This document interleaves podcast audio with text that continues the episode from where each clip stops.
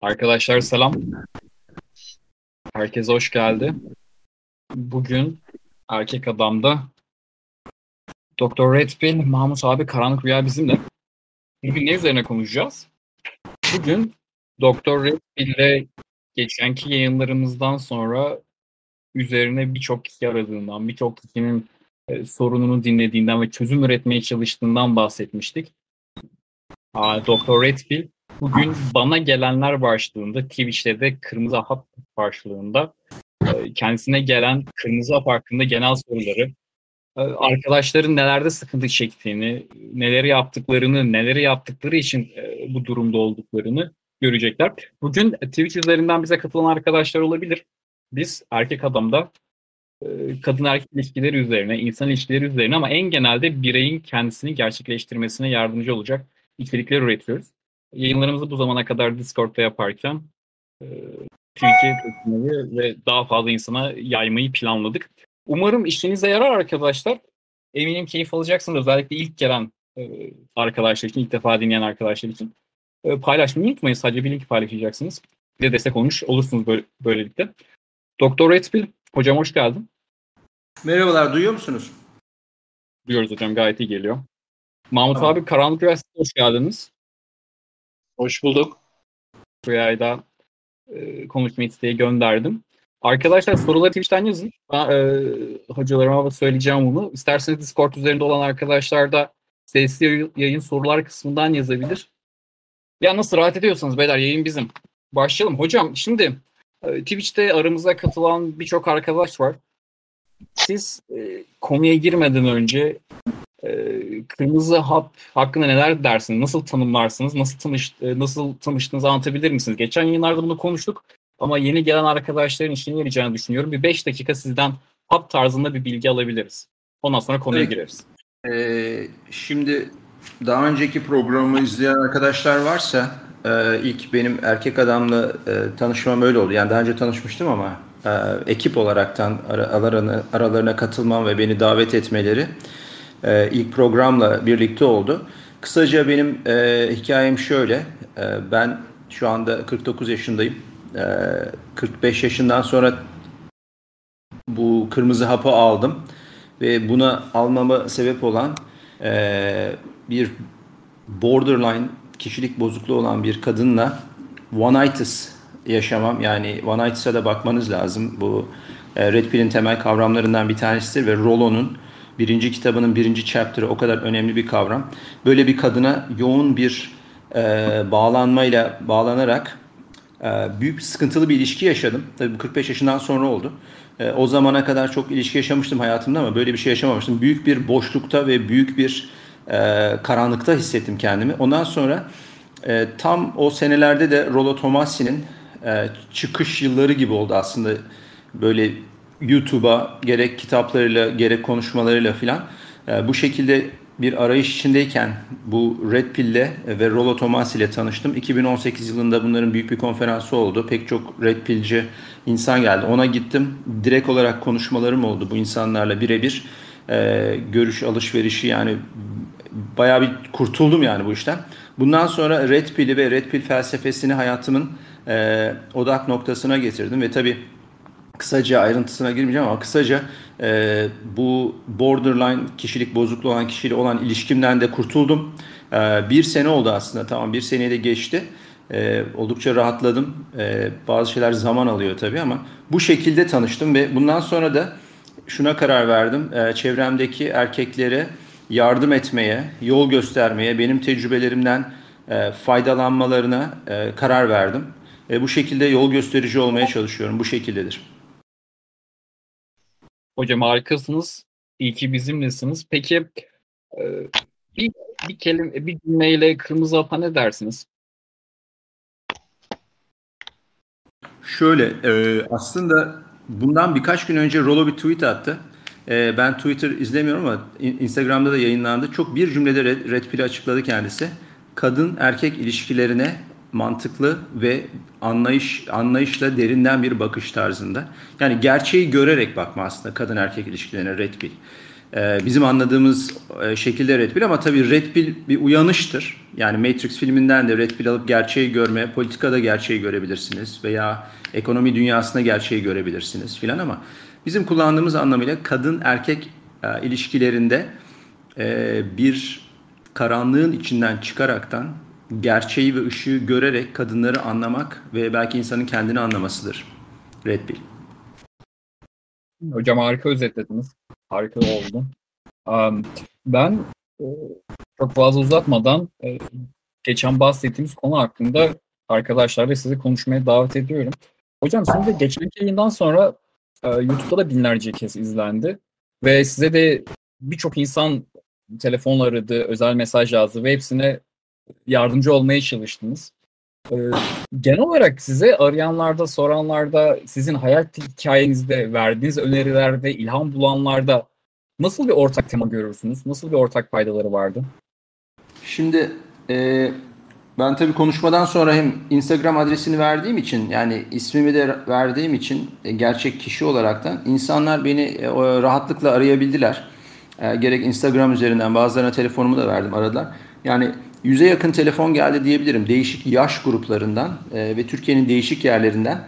E, bunları şöyle söyleyeyim birkaç ana tema üzerinde toparladım ama en çok beni e, etkileyen şeylerden bir tanesi şu oldu ki ben de aynı şekilde e, Rolo'ya gelen yorumlardan ve YouTube'da Rolo'nun konuşmalarının altına yazılan yorumlardan aynı şekilde ben de etkilenmiştim. E, kendimi bulmuştum orada. E, benim yaşadığım ilişkiye çok benzer ilişkilerin yaşandığını gördüm. E, temel yani özellikle 45 yaş üstü meslek sahibi, belli bir yere gelmiş, hayatından kadınlar geçmiş insanlar yine de belli bir yaştan sonra tökezleyebiliyorlar. Bunu gördüm ve bu şekilde e, o yaş grubu insanlar sanıyorum kendilerini bana yakın hissettiler ve aradılar. E, özel şeylerini paylaştılar. Uzun böyle bir saatlik, iki saatlik konuşmalar yaptığım oldu insanlarla. E, dinledim, yol gösterdim ve e, sonra tekrardan aradılar insanlar. Onların çok daha iyi noktalara geldiğini de gördüm. E, o, çok o beni etkiledi. Bu e, bu bir şeydi. Bazı genç arkadaşlar özellikle e, kadınları daha çok PUA yani pick-up artistry konusunda soru soranlar oldu. Temel şey, temel şeyler biraz bilgilendirdim onları. Ee, ama daha çok böyle zor ilişkiler hakkında çok soru geldi. Hı hı. Hocam, Hocam peki, ben tabii, tabii, tabii, dinliyoruz. Ee, sizde o konuşmadan sonra sitede borderline kişilik bozukluğuyla ilgili bir yazı çıktı. Onu gördünüz mü? Ee, şey, yok onu göremedim. Hayır, çok siteyi çok yakından takip edemiyorum. Ee, daha çok Okey. e, yoğunluğumdan dolayı evet. Biraz o yayından sonra da bir toparlayıp yazdık onu. Sitede bakabilir arkadaşlar. Yani şöyle söyleyeyim, borderline kişilik bozukluğu e, giderek artıyor. Daha önce de söylemiştim. Ve e, tahmin edildiğinden daha fazla e, var. Ve kadınlar artık birazcık bu tarz kişiliğe dönüşmeye başladılar. E, narsizm çok fazla artmaya başladı. E, bu tarz insanlara dönüşmeye başladılar. Özellikle Türk toplumunda. E, bunun bu, bu genç arkadaşların özellikle bunun özelliklerini bilmesi ve bu tarz ilişkilerden kaçınması gerekecek. Şimdi onun ama bir şeyini de yapmaları lazım. Rollo'nun onunla ilgili yazısında dediği gibi bu şeyleri eğer abartırsa arkadaşlar bu sefer de kendilerini reddeden kıza narsist damgası atıyorlar. Yani bu borderline gerçekten çok farklı bir şey. Ciddi acı çektiren bir şey. Tabii. Şimdi şöyle, e, topluma baktığınız zaman e, bor, tabii narsizm yükselişte. Narsizmle borderline fa- farklı bir şey ama belki de borderline'da dememek lazım genel olarak. Genel olarak öyle klasifiye etmemek lazım belki genelde. Çünkü borderline bir psikoloji ve psikiyatri tanımı gibi aslında. Genel olarak şöyle demek lazım. Pratik olarak toksik ilişki. Eğer e, ilişkide toksik yönler gördüğünüz zaman e, bundan kaçınılması lazım aslında. Bu tarz insanlardan kaçınılması lazım. Yani illa kızı aradım iki defa bana dönmedi. Kız işte borderline böyle bir şey olmaması lazım. E, Fakat toksik ilişkinin bazı özellikleri var. Bazı kırmızı bayraklar var ilişkilerde. E, bunları görerek ilişkilere girmek lazım. Şimdi tamamen illa bu insanlardan uzak durun e, veya kaçının e, demek de zor. Veya bazen bu özellikler 6 ay 7 ay sonra da ortaya çıkabiliyor. Onlar fark edilmiyor. Çünkü bu insanlar kendilerini çok iyi gizleyebilen e, insanlar. Özellikle ilk baş, ilişkinin ilk başında fakat daha sonra yavaş yavaş ortaya çıkıyor. E, bu durumda ne yapılması lazım? E, bunlar e, önemli. İlla bu insanlardan uzağa doğru e, kaçın filan ama bir ilişkiye girdiğiniz zaman bu tarz bir insanla eğer ona karşı çok yoğun bir e, aşkla yaklaşıyorsanız böyle deli gibi kafayı yemiş bir şekilde yaklaşıyorsanız işte en büyük sorun zaten oradan çıkıyor. Yani hayatınıza borderline'lar girecektir. Girecek, çıkacak. Onu anladığınız zaman kendinizi mesafeli tutarsınız, bırakırsınız veya bırakmadan devam edersiniz filan ama e, gerçek bu borderline olduğu zaman ki e, yani intihara kadar varan özellikleri olacaktır bu insanların. E, yoğun manipülasyonlar, intihara kadar varan şeyler yani gerçekten çılgın bir e, ilişki oluyor. İşte orada insanın kendini koruması lazım ve çıkabilmesi lazım ilişkiden. Önemli olan o. Evet. Hocam peki size daha yine genel sorulardan gitmek istiyorum özele inmeden önce. Sizce bu sıkıntıların temelinde ne yatıyor? Yani genel olarak borderline de olabilir ya da kırmızı hap ile ilgili, ya kırmızı hap ile ilgili demeyeyim. Bir çözüm önerisi sonuçta bu. Kadın erkek ilişkileri özelinde bu sorunların arkasına ne yatıyor? Deneyimsizlik mi, bilgisizlik mi, cesaretsizlik mi? Siz nasıl o kadar kişiyle konuştuktan sonra veya kendi hayatınızda bunun kaynağını nasıl belirlediniz? Evet. Ne olarak belirlediniz? Şimdi e, şöyle, bu ilişkilerin, bunun üzerine düşündüm. Bu ilişkilerin temelinde tek bir tek şey e, yat, yatmıyor. Ancak e, genel olarak red pill kavramlarını e, bilmeyen, kadın erkek dinamiklerini bilmeyen insanları vuruyor bu tarz sorunlar. Tamam mı? E, bunlardan bir tanesi özellikle e, Türk toplumunda erkeklerin yetiştirilmesi yani kadınlara böyle bir e, kadınların çok yüceltilerek işte erkek bunu yapar, erkek kadına şöyle yapmalı, erkek kadına şöyle iyi davranmalı, böyle olmalı. Yani bir erkek olarak kendi hakkından vazgeçiyorsun. Kadını devamlı ön plana çıkarma. Zaten bir şekilde feminizmin de amacı bu. İnsanları böyle koşullandırılıyorlar, koşullandırıyorlar artık erkekleri de. Bunları bunları bunları yapmıyorsan erkek değilsin filan gibi anlamsız bir koşullandırma var. Ve ne yazık ki e, Türk toplumundaki erkeklerin çoğu da e, gençlik yıllarından beri buna koşullandırılmış e, şekilde yetiştiriliyorlar. Onun için e, kadın erkek ilişkilerinde ne yazık ki mutlu olmuyorlar. E, bunlardan bir sorun daha e, aile kurma esnasında tabi ilişkiye giriyorsunuz aile kuracaksınız. Aile kurma esnasında yanlış kişinin seçilmesi ve önceden vetting denilen gerçekten birlikte olacağınız insanı tam olarak değerlendirmeden bir ilişkiye anında girilmesi. Ee, sanki toplum erkek ve kadına roller biçmiş yani ama erkeğe daha böyle absürt roller biçmiş artık. Yani erkek kendine üstüne düşen görevi yapmak zorunda ama kadın kendine kendi üstüne düşen görevi yapmıyor toplumda. Ee, böyle bir şey. Bir tanesi de kıskançlık aslında. Ee, özellikle Türk erkeklerinde olan e, kıskançlık ve tabii kadınlar tarafından bu anlaşıldığı zaman bu çok ciddi bir şekilde manipüle ediliyor. Ee, yani şöyle manipüle ediliyor mesela kıskançlıkta. Ee, kadın ilk önce güzel bir cinsellik veriyor. Sonra o güzel cinselliği çekmeyi tehdit ediyor.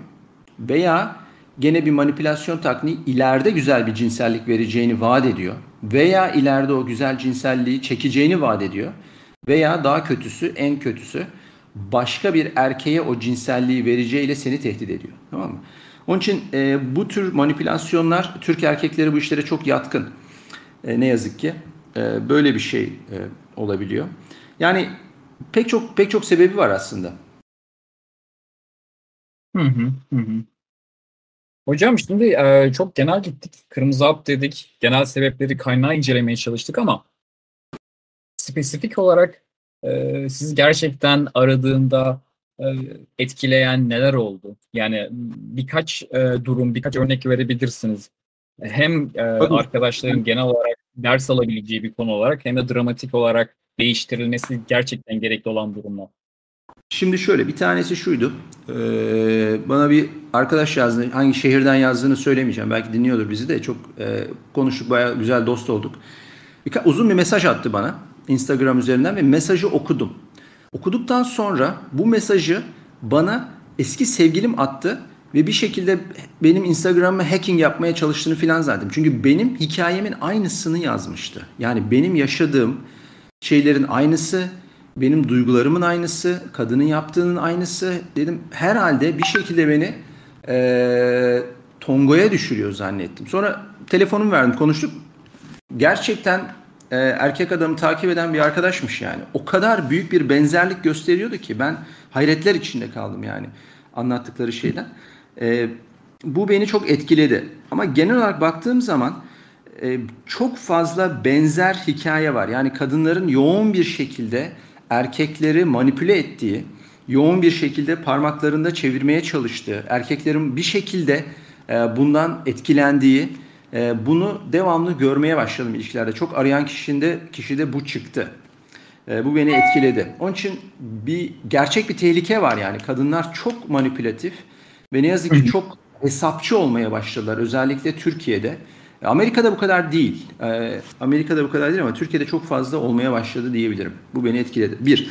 Bir tanesi de şunu gördüm. Yine belki Türk erkeğinin koşullanmasından dolayı bu arayan arkadaşlardan da e, pek çoğunu gördüm. Özellikle birazcık daha böyle kırkı geçkin arkadaşlarda kadınların hayatlarını bir şekilde finansal olaraktan desteklenmesi. Yani kadın bir şekilde manipüle ediyor erkeği. Erkek ee, para veriyor, bir iş kuruyor veya başka bir şey hayat standartını yükseltmek için ev tutuyor, şunu yapıyor, bunu yapıyor ama onun karşılığında istediğini alamıyor. istediği bir ilişki yaşayamıyor. Huzursuzluk içinde devam edip gidiyor. Yani erkeklerin e, bu evliliklerden de bahsetmiyorum. Ha. Yani ilişkilerde bile bu şekilde oluyor. Evliliklerde ta, tabii daha kötü.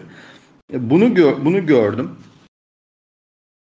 E, bir de şunu gördüm. O da o da çok önemli ve erkek adam sitesinin daha da desteklenmesi ve e, insanların daha da bu tür şeylere katılması için ne yazık ki erkekler konuşacak başka erkek bulamıyorlar. Yani e, başka bir erkekle konuşuyor işte ya diyor abi bak böyle bir kız var hayatımda beni mahvetti etti filan. Bu red pili bilmeyen, kadın erkek dinamiklerini bilmeyen erkekler bazen gülüyorlar bu erkeklere, bazen ya boş ver adama bak kafayı takmış bir kadına filan gibi küçümsüyorlar. Aslında olay o kadar basit değil. Yani erkekler tamam biz duygusal varlıklar değiliz ama bizim de duygularımız var. Bizim de derin düşüncelerimiz var. Hayal kırıklıklarımız oluyor ilişkilerde. Ee, onun için e, bunu birbirini anlayan erkeklerin getirip bir e, bir ortak bir şey kurmaları çok önemli. Yani öyle şeyler söyledi ki arkadaşlar bana. Benim dediler mesela e, 10 yıllık, 20 yıllık, 30 yıllık dostum var. İlişkimin sıkıntılarını paylaşamıyorum diyor adam. Çünkü anlayamıyorlar beni diyor. Yani yaşamayan bilemez. Onun için e, erkeklerin bu bu bu grupları kurması lazım. Bu bu desteği oluşturması lazım. Ya bir şey söyleyeceğim de gerçekten erkekler için özellikle e, selamlar. E, her şey ayrılık acısı yaşayana kadar. Yani onu yaşamadık yaşamadığın zaman pek anlamıyorsun. Çevredeki çoğu erkek de kadınlara ulaşamadığı için maalesef bu acıyı yaşamıyor. Acıyı yaşamadığı için de seni anlamıyor. Benim de çevremde zamanında böyle erkekler çok olmuştu. Ne yaparsanız yapın bir şey fark etmiyor. O kişiler sizi anlamıyorlar. O yüzden e, mesele biraz kadınlara ulaşamayan erkeklerden dolayı aslında çıkıyor. Katılıyorum. Ayrıca ben de buraya geçmeden nacizane bir fikir ekleyeyim. Ee, bu konular üzerine belki de çok kapaklı konuşuluyor olabilir. Hani e, çok fazla ön planda olan şeyler televizyonda konuşulan veya aile ortamında aşırı konuşulan şeyler olmasa gerek. E, insanlar da bir aslında hani insanlar birlikteyken bile yalnızlık çekiyorlar bu konular hakkında, bunları paylaşmak hakkında. E, o yüzden e, dediğiniz gibi böyle bir ortamın bulunması önemli ve gerekli. Umarım Benim... hani uzun vadede daha çok insanlar anlar bunu. Evet Mahmut abi. Beni en çok şok eden şey konuşmaması tamam eyvallah arkadaşların ya da anlamaması da. Bir de eline çiçek verip kıza gönderiyorlar. Özellikle ailelerin çok bariz bir şekilde oğullarının hayatını mahvedeceği belli olan kızların peşine göndermesi oğullarını beni çok sarsıyor. En, en sarsıcı hikaye o. Git konuş, çikolata al, çiçek al falan diye. Yani bu ne olursa olsun bir kız bulduk bu çocuğu evlendirelim diye bir şey var. Dikkat edin ona. Yani ailenizde de olabilir. Ee, kadınların bebek kudusuna girdiği gibi oğlan analarında bir çocuğu evlendireceğim kuduzu var. Evet çünkü çoğu geleneksel düşünüyor aslında. Geçmişte evlilik çünkü daha farklı kavramlarla bakılıyordu evliliğe daha doğrusu. Ne bileyim işte annelerimiz ya da babalarımız ya buradaki çoğu kişinin en azından 50 öncesidir doğumları öyle tahmin ediyorum. Yani en iyi ihtimal 60 öncesidir. O zamanlar biraz daha farklıydı işler. Şimdi biraz daha farklı ama işte bu ebeveynler bunu görmüyor yani. Şu anki sosyal çevre pek görmüyor. Mesela benim annem Instagram nedir bile bilmez. Anlatabildim mi? Bu ne oluyor bilmiyor. Her şey hala geleneksel bakıyorlar. Herkes kendi gözüyle baktığı için işe ya da kendi vizyonuyla baktığı için e, öyle düşünüyor. Onların çünkü döneminde öyle bir durum vardı. Yani önemli olan ne bileyim işte aile kurmaktı. Hatta geleneksel maskülenliğin tanımında bile bu yok mu? Geçmişte şeydi geleneksel maskülenlik. Aile kuran, aile babası olan falan filan. Ama her şeyin anlamı zamanla değişti işte. Böyle bir durum var. Ama- Bu yüzden bu çıkmazlar oluşuyor. Yani kayın, kayınçonun amcasının kızının e, koluna bilezik takmadı diye yüzük atarım diye tehdit eden kızın da peşinden şekle gönderilmez yani bir gariplik var burada. E, Ya bence de var. Bence de var. Şimdi e, bu evlilik konusu şöyle ben e, genel olarak yani baktığınız zaman insanlık tarihinde aslında e, evlilik kötü bir şey değil ama evliliğin amacı aşk veya sevgi değil. Evliliğin amacı iki ailenin e, birleşmesi, topraklarını birleştirmesi, finansal güçlerini birleştirmesi ve belki de askeri güçlerini birleştirmesi olarak yıllarca tarih boyunca bu şekilde gelmiş. Güçlü aileler evlenmiş ve o zaman kızların ve oğlanların kiminle evleneceğine babalar karar vermiş. Kendi aralarında anlaşmışlar ve evlenmişler. Tabi burada bir de şöyle bir kavram ortaya çıkıyor. Güçlü erkekler birden fazla kadına sahip oluyorlar. Yani adam evleniyor. Adam mesela kral prens prensini evlendiriyor. Başka bir şeyin kraliçesi e, prensesiyle falan ama adam sonuçta başka kadınlarla yine birlikte olmaya devam ediyor. Bu tabii ayrı bir kavram. Yani e, fakat evlilikte şöyle bir şey oluyor. Artık günümüzde böyle bir şey olmadığı için, onun ne olduğunu açıklayacağım. Böyle bir şey olmadığı için eşitsiz bir şekilde evleniyor erkekler. Bakın, erkeklerin en önemli, e, en önemli, en en çok değer verdiği şeylerden bir tanesi e, cinsel kıskançlık ve kadının cinsel olarak korunmasıdır. Neden? Çünkü hiçbir zaman özellikle eski çağlarda kadının karnındaki çocuğun kime ait olduğunu bilmeniz mümkün değil. Yani bir kralla evlenmiş olabilir ama düğün gecesi belki oradaki e, şövalyelerden biriyle yattı ve çocuk şövalyeye ait ama o kral onu asla ispat edemez. Onun için nasıl ancak belki ispat ediyor veya korumaya çalışıyor? Kadının bakire olmasıyla korumaya çalışıyor. Tamam mı? Bu bir. Kadının erkekten istediği veya kadının babasının erkekten istediği ise kızıma bakacaksın, kızımı koruyacaksın. Hem parasal olarak hem güç olarak koruyacaksın ve iyi bir baba olacaksın. E, bu çocukları sen yetiştireceksin. Bunu istiyor.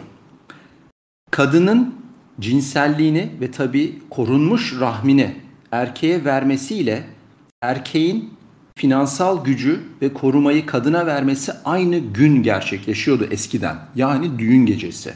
Evlilik oluyor, evlilik akti oluyor, aileler birleşiyor ve erkek cinselliği alıyor, kadın korumayı alıyor. Tamam mı? Şimdi feminizm sonrası her şey değişti.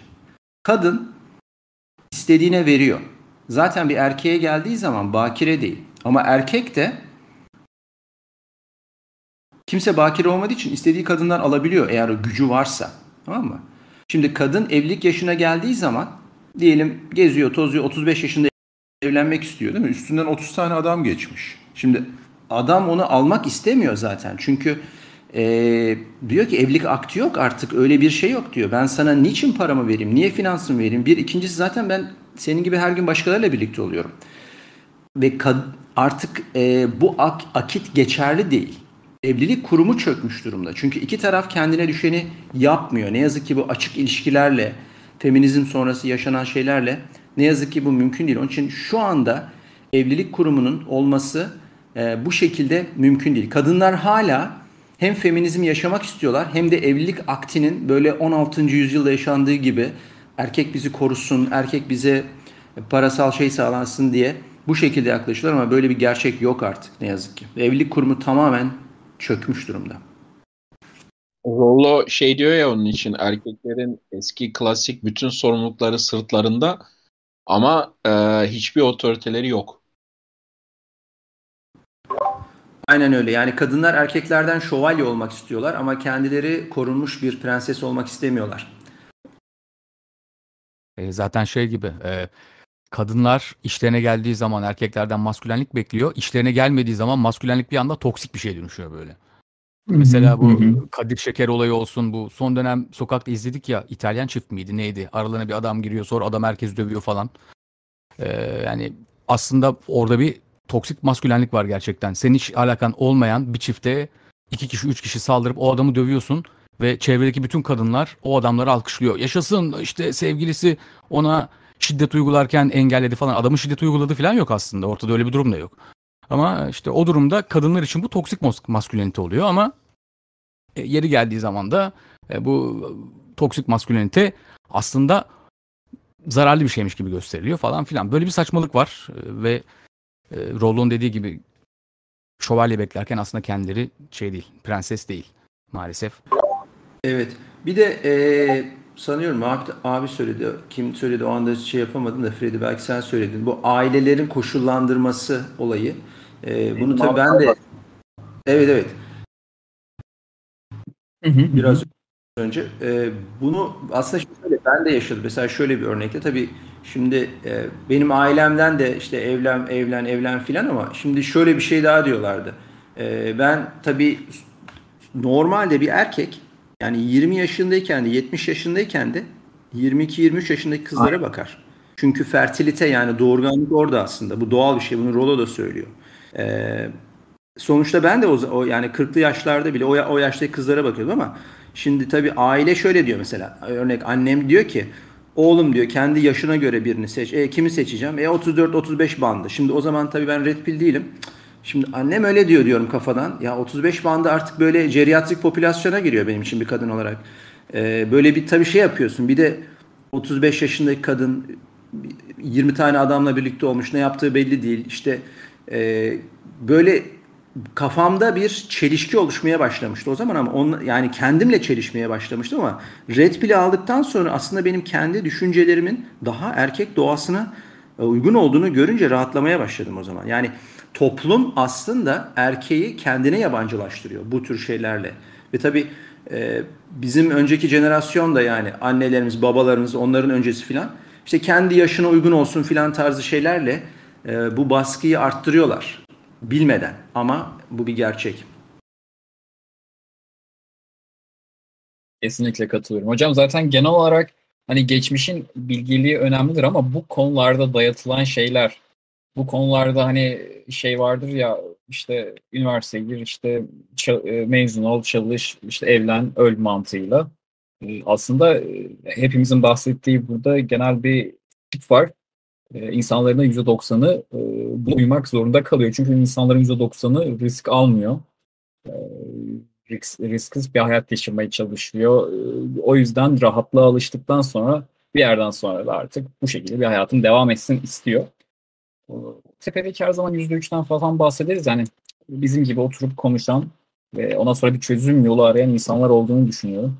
Ee, diğer türlü diğer tarafa kapılmak, sıradan bir hayat yaşamak ve bunun acısını da çekmek oldukça kolay. Çünkü bizim burada hep konuştuğumuz şeyler aslında insana kolay gelen şeyler.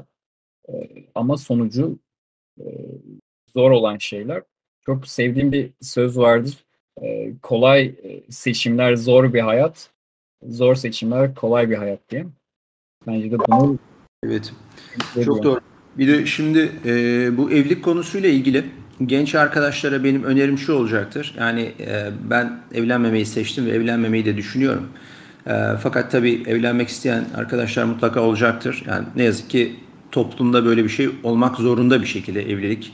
E, bir şekilde oluyor ama evliliğe girmeden önce neler yapmanız lazım?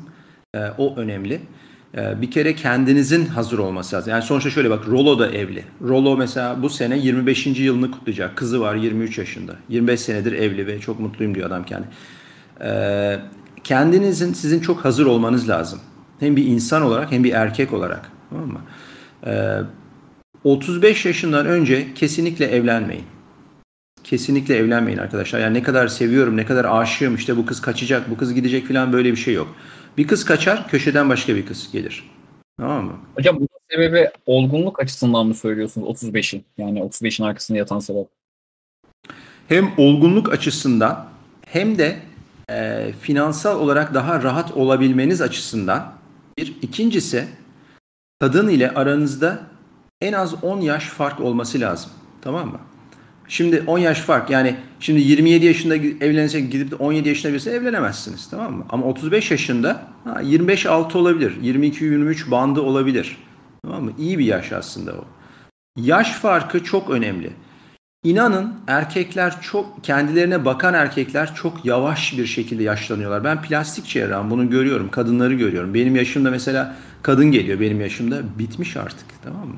Onu bırakın 35-36 yaşında kadın geliyor bitmiş. Yani düşün ben on, benden 15 yaş küçük bakmıyorum bile. Böyle e, yaşlanmış olarak kadınla erkeğin yaşlanması kesinlikle aynı hızda değil. Onun için onu düşünerek evlenmeniz lazım.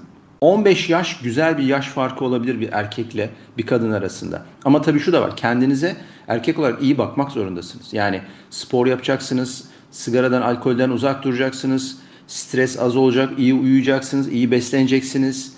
Falan yani kendinize zaman ayıracaksınız falan. E, kendinize yatırım yapacaksınız. Bu şekilde organik yaşlanmanız da oldukça yavaşlayacaktır. Onun için yaş farkı önemli. Daha genç yaşlarda evlenirseniz o yaş farkını yakalayamazsınız. Mesela ben kendim bir doktorum yani. Mesela diyelim tıp fakültesinden e, kendi sınıf arkadaşım olan bir doktor kızla evlenmiş olsam zamanında şu anda 50 yaşında bir kadınla evli olacaktım. Yani onu ben çok gülünç geliyor bana ve büyük ihtimalle de boşanmış olacaktım yani. Ama e, onun için geç evlenin. Hem kendiniz olgunlaşın, hem yaş farkı fazla olsun. Finansal olarak iyi olmak zorundasınız ve hazır olmak zorundasınız. Bakın şu da önemli bir şey. Onu da ben e, gene beni arayan insanlardan şöyle söyleyeyim. Arayan insanların bir kısmında daha önce e, ilişki geçirmişler, bir sürü ilişkileri olmuş, çapkınlık yapmışlar, şunu yapmışlar, bunu yapmışlar ama insan belli bir aşamada ben çok iyiyim, red pill'i çok iyi aldım, çok alfayım dememeli. Her an ayağa kayabilir o erkeğin tamam mı? Ve kadın öyle bir manipülasyon yapabilir ki kendinizi o kadar aşık hissedebilirsiniz ki kendinizi o kadar rahat hissedebilirsiniz ki kadın her zaman erkeği değiştirme ve manipüle etme eğiliminde olacaktır. Her zaman. Onun için çok dikkatli olmanız lazım. Çok hazır olmanız lazım sizin. Evlilik özellikle evlilik aktine e, girmeden önce. Sevgili oldunuz, çıktınız 3 sene 4 sene ayrılırsınız biter. Bağırış çağırış işte bir takım tuhaf hareketler falan bitebilir. Ama evlilik öyle değil. Evlilikte artık kanunlar işin içine giriyor. Hele bir çocuk varsa çok daha zor. Ee, kötü kalpli insanlar var, kötü kalpli kadınlar var çocuğunuzu elinizden alır ve çocuğu göremezsiniz. Hayata küsersiniz. Yani e, pek çok şeyi çok iyi düşünerek evlenmeniz lazım ama bir şekilde hazır olmanız lazım. Ve ne yazık ki özellikle genç arkadaşlar için zaman ilerledikçe e, bu iyi kız diye tabir edebileceğimiz ki aslında her kadının içinde iyilik de olabilir, kötülük de olabilir. Ama size uygun bir insan diyeyim, iyi kız demeyeyim ama size uygun bir insan bulmanız daha da zorlaşacak. Artık sosyal medya özellikle e, insanları çok değiştirdi ve perişan etti. Kadınların kafaları bulanmış durumda. İyi birisini bulmanız çok zor olacaktır arkadaşlar ama kendinize yatırım yapın. Kendi ayaklarınız üzerinde durabilecek şekilde olmanız lazım. Hocam buna fazlasıyla katılıyorum. Özellikle e, kısa bir şey ekleyeyim. Yani sosyal medyanın e, bilmiyorum belki 20-30 yıl sonra çok daha fazla üzerine araştırmalar yapılır. Hala da yapılıyordur tabii ama yani belirli bir nesil üzerinde ne kadar büyük bir etki bıraktı, e, nasıl bir farklılaşma yarattı bence ilerleyen zamanlarda çok daha fazla belli olacak. Yani insanların tamamıyla düşünme biçimini etkiledi yani. İnsanların hayata bakış açısını etkiledi. Bu kadın erkek ilişkisine de yansıyor, insan ilişkisine de yansıyor, yediği yemeğe de yansıyor. Yani her şeye yansıyor. Mesle mesleğe kadar bu yansıyor. O yüzden e, bu konuya arkadaşların dikkat etmesini öneririm.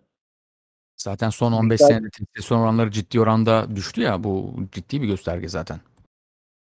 Biyolojik olarak görüyoruz. Gerçi başka etkenler de var. Yine başka bir doktor arkadaşla konuşmuştuk. Yiyecekler de yiyecekler yüzünden de etkileniyoruz ama toplumsal olarak da hadım edilmiş durumdayız. Bunların hepsi birleşince işte testosteron oranları yerlerde geziyor. Bu Evet. geç evlenmeyle ilgili birkaç şey ekleyeceğim. Birincisi ne kadar geç evlenirseniz o kadar çok evlilik öncesi mal varlığı edinirsiniz ki bunları mal varlığı şeyle koruyabilirsiniz. Evlilik sözleşmesi diye bilinen şey var ya. Ne kadar ev- erken evlenirseniz o kadar çok evlilik içinde mal yaparsınız. Onları korumanız daha zor. İkincisi eğer o, ben mesela sitede e, e, e, erkekler için ideal evlilik yaşı diye bir kitap e, şey yazı var. Orada 33 diyorum o yaş için. Yani 33-35 çok büyük fark yok. Ama hani en azından bir iki senede kızı tanımanız lazım. 35'inde pat diye biriyle tanışıp 5 ayda evlenmeyin. Yani bir 18 ay falan bir birbirinizi tanıma süreci geçmesi gerekiyor. Ha geç evlenmenin şöyle bir dezavantajı var. Ee, 40'larında küçük çocuklarla uğraşacaksınız.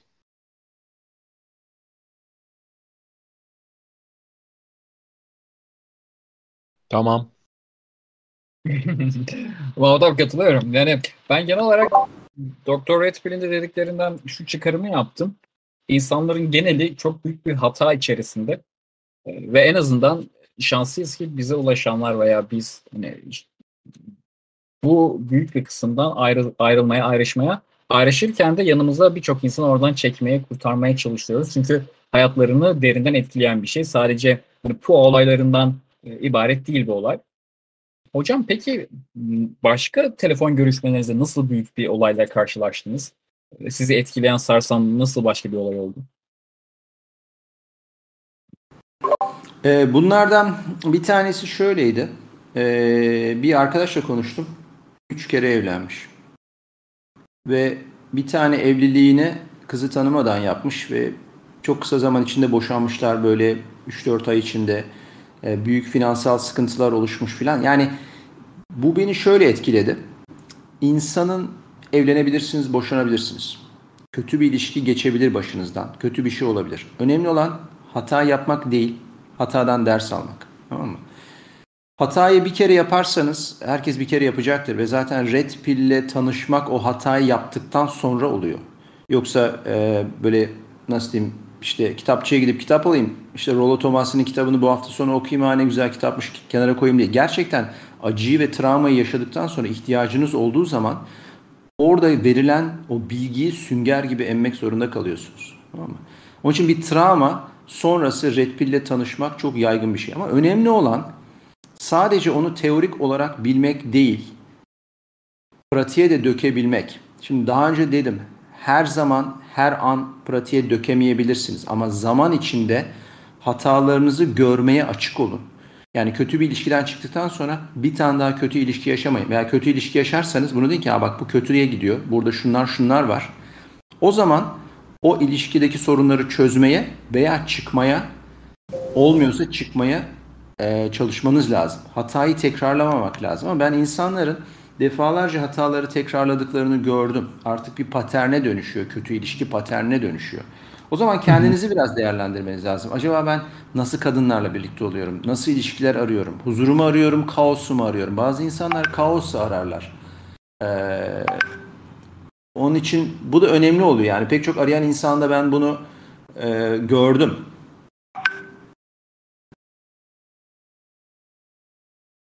Hı hı. Hocam peki buna getirdiğimiz çözüm sizce nedir? Yani genel olarak bu e, sorunlara kırmızı hap özelinde nasıl farklı bir çözüm önerisi verebiliriz? Biraz Twitch'teki sorulardan toparlamaya çalıştım bunu ama e, hep sorun tespitinden gittiğimiz için. Pardon bir daha sorabilir misin soruyu? Nasıl, bir daha e, başını alamadım Freddy.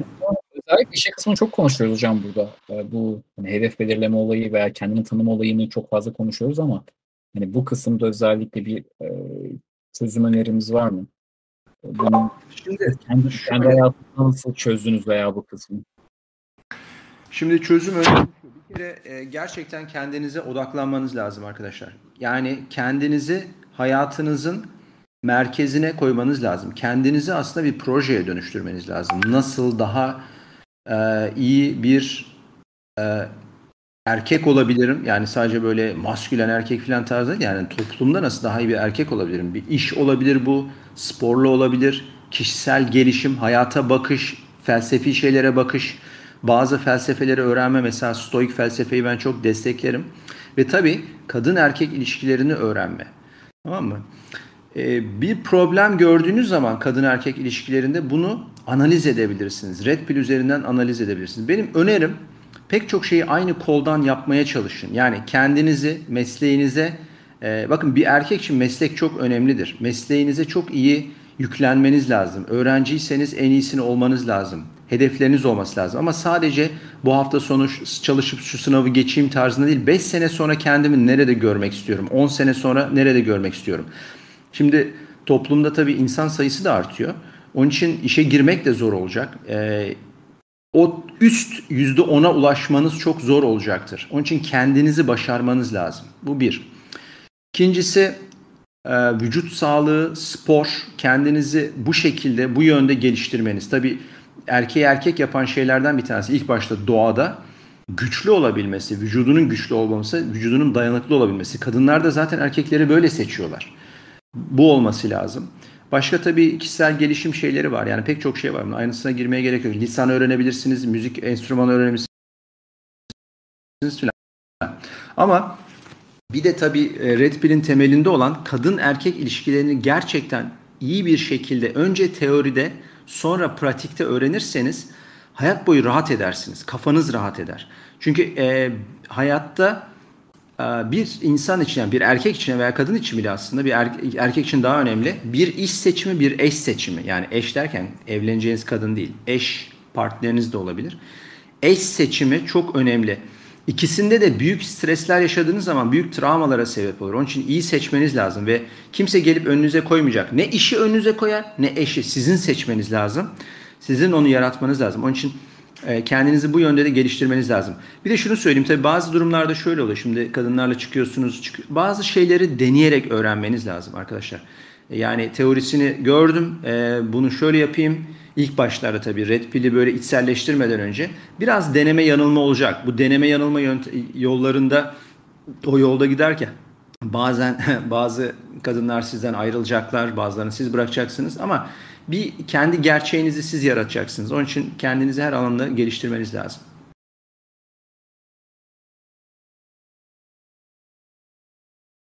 Karanlık Rüya Mahmut abi siz bir şey eklemek ister misiniz? Bu kendi projeni yaratma üzerine.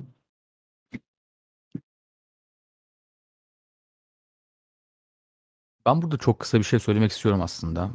Ee, Birçok arkadaşta bunu görüyorum. Herkes toplumu değiştirmeye çalışıyor.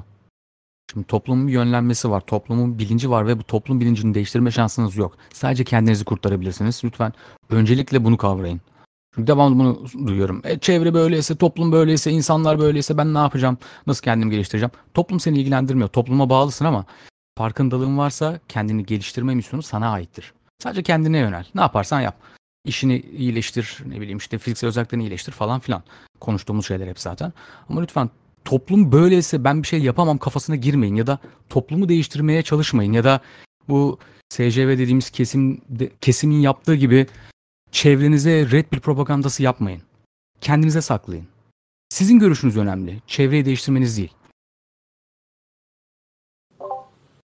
Yani toplumu değiştirmeye çalışabilirsiniz ama her şeyle ilgili kendinizle ilgili her şeyi değiştirdikten sonra şu an çoğu insan yani toplum böyleyse, çevre böyleyse diye sızlayan çoğu insanın temel derdi kendisiyle uğraşmama bahanesi olarak kullanıyor onu. Kendinle uğraşmak daha zor çünkü. Bir kalabalığın, kalabalığın içine girip slogan atmaktan çok daha zor özellikle. Tabii fanatizm de zaten böyle açıklanıyor ya. İnsanlar kendilerini orada tam hissettikleri için tek başına yapamadıklarını toplum içinde yapıyorlar. O yüzden ne bileyim. Daha önce burada ekonomi şeyinde yapmıştık. Bundan sonra hayat daha zor olacak. O yüzden e, destek seçimine, eş seçimine bir miktar daha fazla önem vermeniz gerekiyor bir önceki nesle göre. İş seçimiyle ilgili de eğer evlenmeye niyeti olan arkadaşlar varsa hani bu aşktır, şudur budurdan önce şunu tamamen ön planda tutmalılar. Çocuklarınızı anne seçiyorsunuz. Şu an çocuk olmadığı için farkında değilsiniz de eğer gerçekten yanlış bir seçim yaparsanız o ilişki, o evlilik e, çöpe giderse çocuklarınızın acı çekeceği bir e, ilişki içinde olacağınız bir kadınla evlenmeyin. Çocuklar anne seçtiğinizi düşünün her zaman. Ve bazı kadınlar çocukları savaş esiri olarak alabiliyorlar erkeğe karşı. Onlar kırmızı alarm olarak önceden de kendilerini ele veriyorlar. Bunlara kafanızı gömmeyin.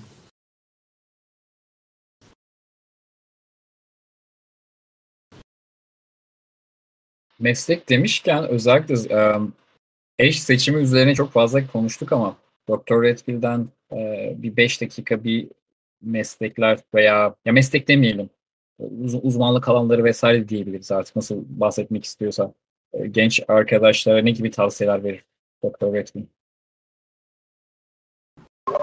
Şimdi şöyle söyleyeyim. Ee, şimdi meslek seçimi şöyle önemli. Hayatınız boyunca o mesleği yapacaksınız. Sevdiğiniz bir şeyi seçerseniz daha çok severek ve ona tutunarak yapabilirsiniz arkadaşlar tamam mı? Bazı meslekler tabii diğerlerinden daha zor olacaktır. Ee, ama birazcık kendinizi zorlamanız lazım. Yani şöyle ne bileyim ben işte e, örgü örmeyi çok seviyorum. Hayatımın odağında örgü örmek var. Mesleğimi buna göre yapacağım işte çok mutlu olacağım ileride diye böyle ütopik, romantik kavramlarla yaklaşmayın mesleklere. Tamam mı? Gerçekten toplumda e, bir yer edebilecek, sizi bir yerlere getirebilecek mesleklerin olması lazım. Tamam mı? Yani evet belki ne bileyim e, işte marangozluk yapmayı çok seviyorsunuzdur. Böyle bir sanat marangoz sanatçısınızdır. Böyle tahtalardan çok güzel bir şey yapıyorsunuz. Ama o sizi bir yere getiremeyebilir. Ama onu ileride hobi olarak yapabilirsiniz. Mesleğiniz de ona göre sizin hobilerinizi de ileride destekleyecek şekilde seçmeniz lazım. Yani genel olarak hangi mesleği seçin demiyorum ama yani şöyle söyleyebilirim size. Sonuçta ben doktorum. Doktorluk iyi bir meslektir. Mühendis, mühendislik iyi bir meslek. Hukuk iyi bir meslek.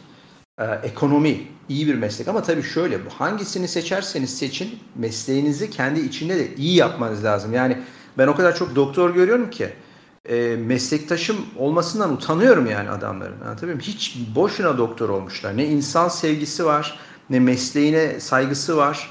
E, yapamıyorlar. Bu, tabii şey için de geçerli. Avukatlar için de olabilir böyle. Mühendisler için de. Onun için ne yaparsanız yapın en iyisini yapmanız lazım. Onda da bak bu ilginç bir şey. Şimdi bir arkadaşla şimdi aklıma geldi. Bir arkadaş yine aradı beni. Bu erkek adam da şey yapmış.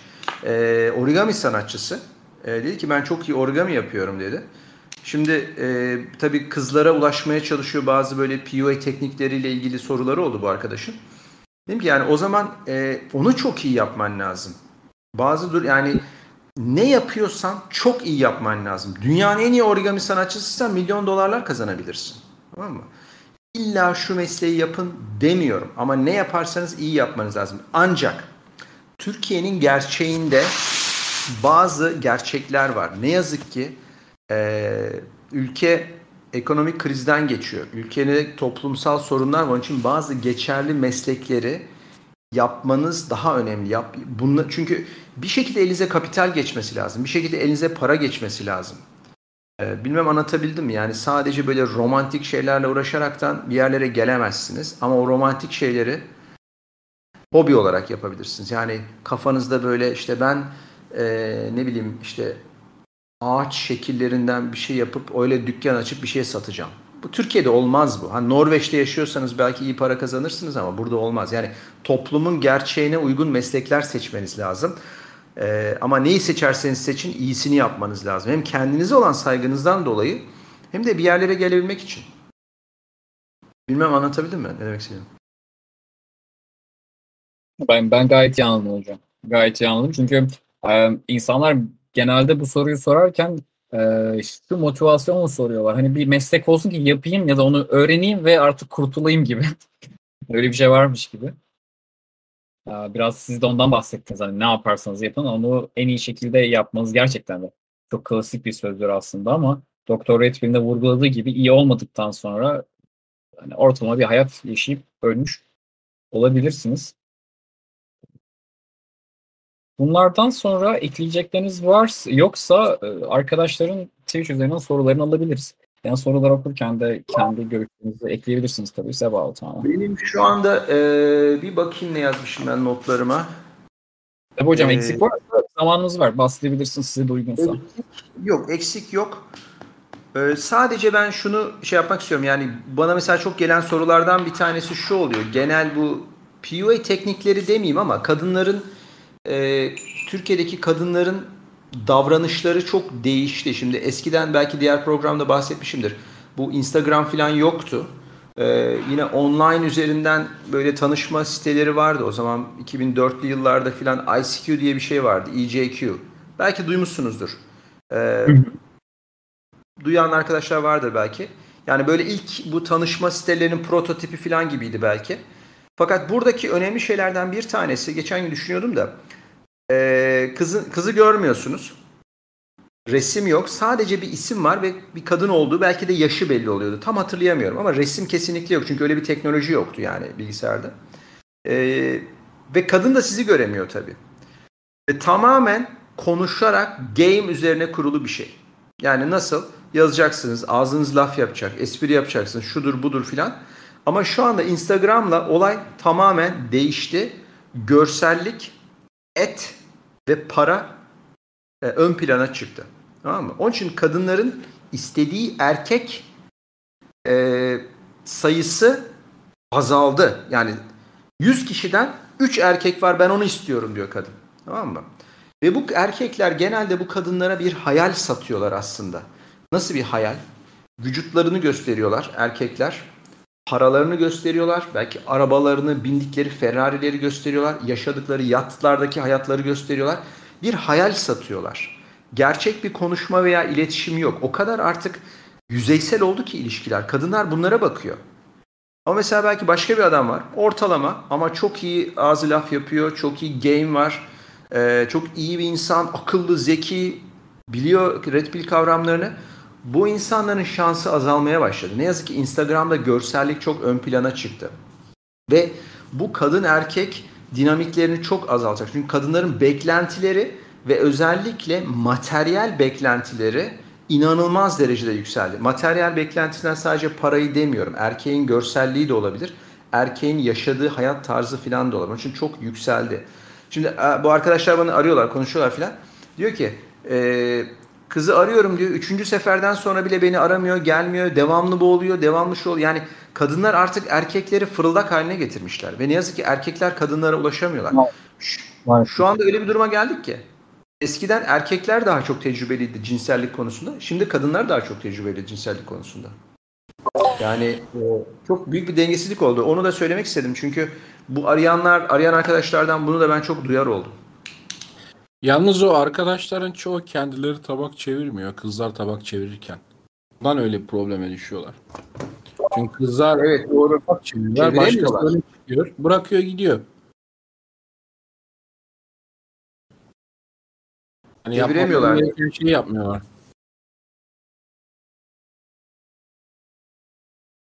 Sonuçta seninle online konuşuyorsa bir kız, kız birkaç kişiyle konuşuyor varsayacaksın. Kesinlikle. De sen yavaşsan bir kişinin senden daha hızlı olacağını düşüneceksin.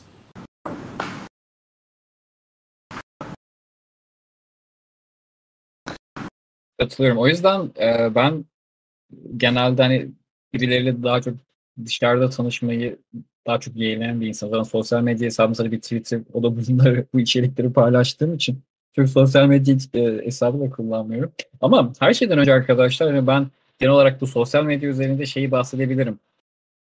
Yani her şeyden öte kendiniz açısından zihninize çok faydalı oluyor. Birçok insanın hayatını görmemek. Çünkü zaten e, kısıtlı bir zamanınız var, kısıtlı bir enerjiniz var. E, her her saniye yani getirme lüksünüz yok. Onu da başkalarının hayatlarını dikizleyerek, gereksiz içeriklerle tüketerek, birilerine para kazandırarak geçirmek bana çok saçma geliyor. Benim kullanmama sebebim abi ben sosyal medya kullanmıyorum ya olayından ziyade bu e, bu çıkarımdan dolayı kullanmıyorum. Ama zaten birçok şeye, e, habere veya içeriğe erişme şansınız fazlasıyla oluyor. Ki bu e, birçok hani erkek adamla veya kendimiz yaptığımız içerikleri paylaşırken de Twitter'a girmem gerektiği zaman bile algoritma o kadar iyi düzenlenmiş ki hemen e, dikkatini çekecek, e, seni orada 3 saniye daha fazla tutacak şekilde ayarlanmış. O yüzden çok dikkatli olmak gerektiğini düşünüyorum. Teşekkürler hocam. Ben arkadaşların sorularını alayım isterseniz. Sorular alabiliriz evet. Siz ekleyebilirsiniz. Ben yukarıdan başlıyorum. Biraz Twitch üzerinden aldığım için derdi toplu yok şu an. Genel olarak bir bakayım siz de o aralar bahsedebilirsiniz. Dinleyen kimse mi yok yoksa dinleyicileri mi göremiyoruz biz? Ee, yayın Twitch'te Mahmut abi. O yüzden Ha, Discord okey. arkadaş. Ben eski teknolojide kaldım. Sorular nereden soruluyor peki?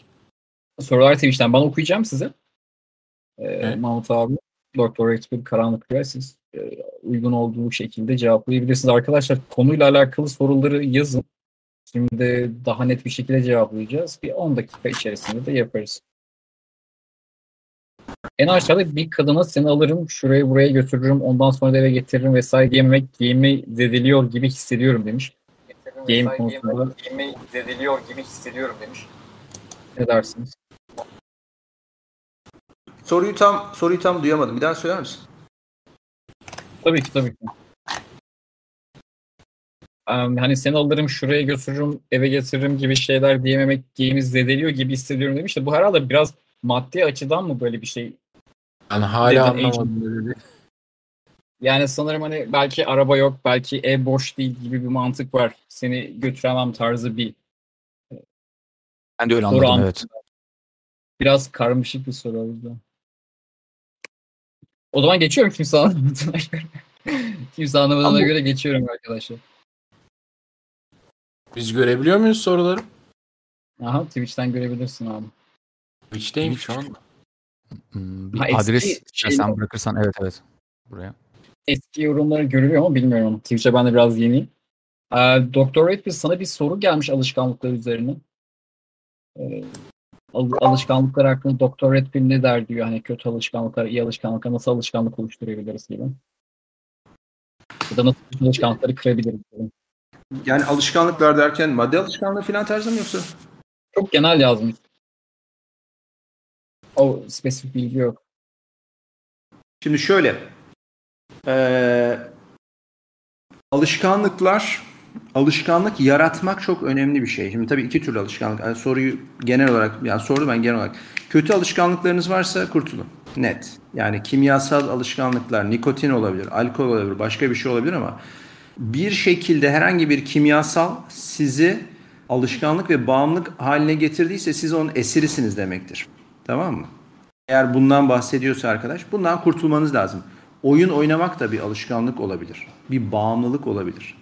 Biliyorsunuz 8 saat 9 saat oyun oynuyorsunuz her gün. Bunu artık kendinizi gerçekleştiremezsiniz böyle bir durumda. Tamam mı? Ee, ama bundan da bun, tabii bunlar kötü alışkanlıklar. Bir de iyi alışkanlıklar var. İyi şeyleri de alışkanlık haline getirmeniz lazım. O sizin alışkanlığınız olması lazım. Ne? Mesela spor yapmak. Artık o hayatınızın bir parçası. Kötü de hissetseniz spor yapıyorsunuz, iyi de hissetseniz spor yapıyorsunuz. Yorgun da olsanız spordasınız, yorgun değilseniz de spordasınız. Bu onun için alışkanlık yaratmak çok önemli bir şeydir. Tamam mı? E, hatta Plato galiba ya Aristo galiba Aristo şöyle demiştir. Success is not a chance but it's an act of habit. Yani başarı bile bir alışkanlıktır. Yaptığınız alışkanlıklarla ancak başarı yakalarsınız. Başarıyı şansla yakalayamazsınız. Her gün aynı şeyi yapıyorsunuz değil mi? Bir sporcuyu düşünün. Her gün antrenman yapıyor. Her gün antrenman. Alışkanlık haline gelmiş. Ondan sonra başarıyı yakalıyor. Ama böyle Kesinlikle. iki tane antrenman yaptım e, sonra başarı yakaladım diye bir şey yok. Onun için iyi şeyleri alışkan iyi şeyleri özellikle alışkanlık haline getirin. Sabah kalktınız yarım saat günlüğünüze yazdınız, not tuttunuz. O gün ne yapacağım? Bugün ne yapacağım? Program yaptınız. Bu bir alışkanlıktır.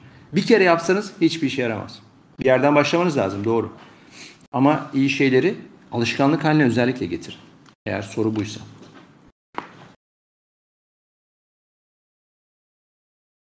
Hocam genel hatlarıyla da ama çok güzel açıkladınız. Ben de şeyi söyleyebilirim. Ee, Brian Tracy'nin bir sözü vardı.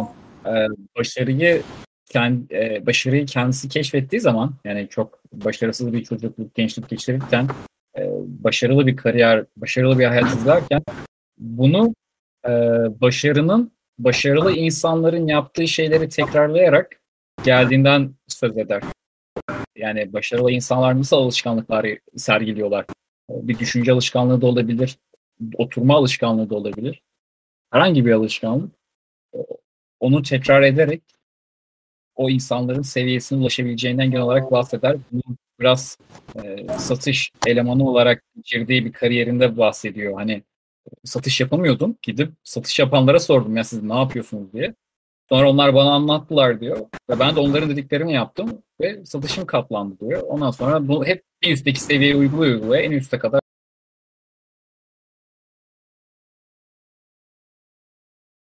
diyor mesela. çok önemli ve gerçekten ben bile mesela şimdi e, iyi alışkanlıklar geliştirmek için kendimi zorluyorum. Bir de şöyle bir şey daha var. E, alışkanlıklar tabii disiplinle oluyor. Hayatınızda oluşturduğun bir alanında oluşturduğunuz disiplin diğer alanlara da yansır. Mesela özellikle spor alanında. Spor alanında o disiplini yakaladığınız zaman başka alanlarda da o disiplini yakalarsınız ve insanlar size genel olarak bu adam disiplinli diye bakarlar. E, disiplinle spor, hele bizim toplumumuzda kimse doğru spor yapmıyor zaten. E, hele benim yaş grubumda hiç kimse spor yapmıyor diyebilirim. Onu yakaladığınız zaman e, sizin mesela hastaneye gidiyorum. Kendi benim meslektaşlarım bile çalıştığım insanlar bile her zaman bana komplimanda bulunur. Yani ya sen spor yapıyorsun ne kadar iyi keşke biz de yapabilsek filan. Sizi öyle öyle yansıtır o güzel alışkanlıklar. Hocam e, disiplin demişken e, bir insan kısaca disiplini nasıl koruyabilir ve sürdürebilir, sürdürülebilir? Hani bunu hep konuşuyoruz disiplini. O yüzden biraz bu bakış açısından sormak istedim. Sürdürülebilir kılmak açısından. Valla disiplin yaratmak veya sürdürmek gerçekten çok zor bir şey. Ee, kendinizi nerede görmek istiyorsunuz önemli olan o. Şimdi şöyle söyleyeyim. Disiplin mi önce başlar, alışkanlık mı önce başlar onu bilmiyorum. Ee, orada ince bir karmaşık bir çizgi var ama şöyle düşüneceksiniz. Yani yumurta mı tavuktan çıkar, tavuk mu yumurtadan ben horozum işime bakarım diyeceksin. Tamam Yani şöyle e, disiplin. Oturuyorsunuz, yorgunsunuz. İşte spor yapmam gerek. Üf, bugün de mi spor yapacağım? Öyle bir şey yok. Kalkacaksın ve gideceksin. Yani bir set bile olsa başladığın an en zor set ilk setti. Onu yaptıktan sonra 25 set çıkartabilirsin. Anlatabiliyor muyum? Yani disiplin alışkanlığa dönüşür. Alışkanlık disiplini destekler. Böyle bir şekilde ve sonuçları da gördüğünüz zaman daha da çok yapmak isteyeceksiniz. Anlatabiliyor muyum? Hiçbir zaman mesela yeni örnek hep spor yapmayı örnek olarak veriyorum ama spor yapmaya başladınız. 3 ayda ancak belki bir yere gelirsiniz ama sonucunu gördüğünüz zaman daha çok yapmak isteyeceksiniz. Şimdi ben kendi vücudumda her zaman sonucu bildiğim için ve onu korumak istediğim için öyle bir disiplinim var. Yani alışkanlık haline getirdim. Hoşuma da gidiyor. Yapıyorum. Yani bu kavramlar iç içe girmiş durumda ama e, birbirlerini destekleyen şeyler. Yani sonuç olarak bir yerden başlaman lazım. Bir ve onu devam ettirmen lazım. Başka yani sonuçta erkeksin tamam mı? Şu şöyle der yani Richard Cooper. Konuş, konuşma yap. Yani artık konuşma, plan yapma, yap der.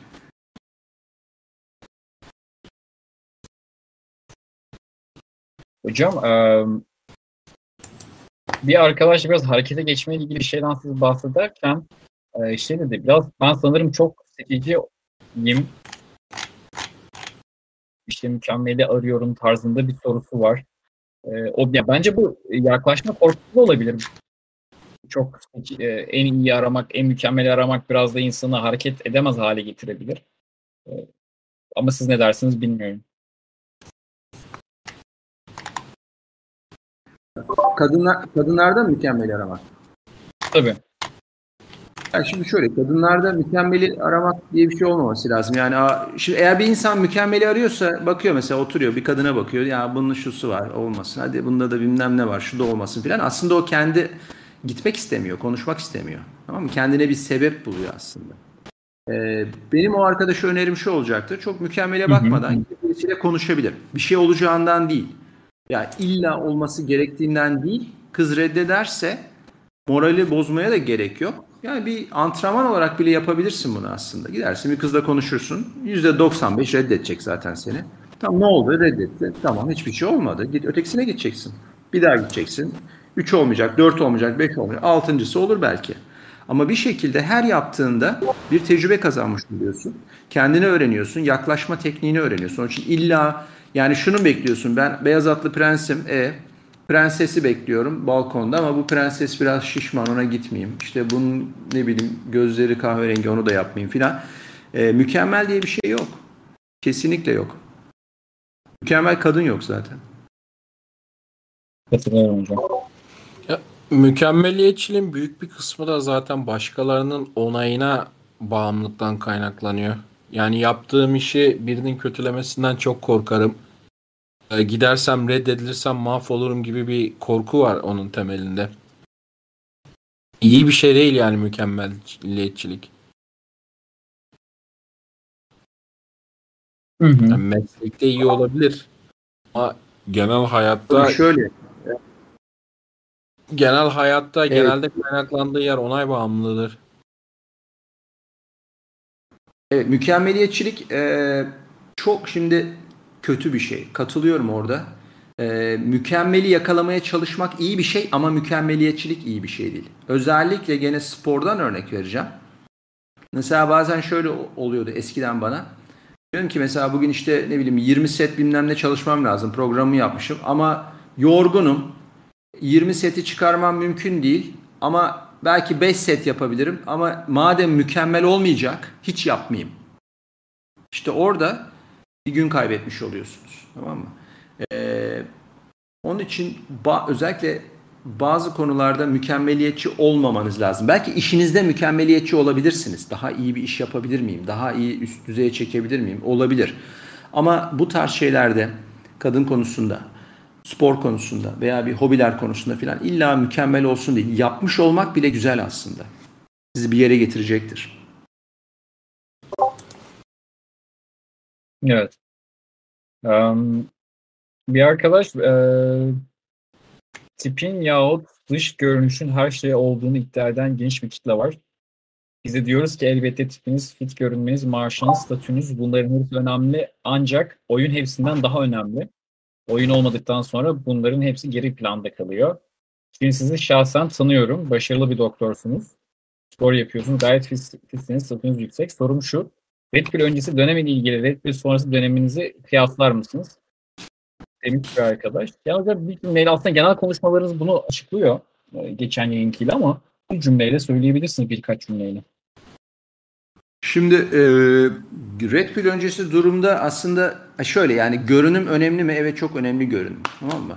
Sonuçta ama tabii görünüm de relatif bir şey. Yani siz e, 10 kişiden daha iyi görünüyor olabilirsiniz ama diğer başka 10 kişi sizden daha iyi görünüyor olabilir. Onun için o işin sonu yok. Yani böyle gidip de e, en mükemmel görünüme ulaşacağım demek çok yanlış bir şey. Orada Red Pill'de bunu Rollo şöyle der, looks max der. Yani görüntünün maksimuma ulaşmaya çalışan insanlar ama bunun her zaman bir dengesi olması lazım.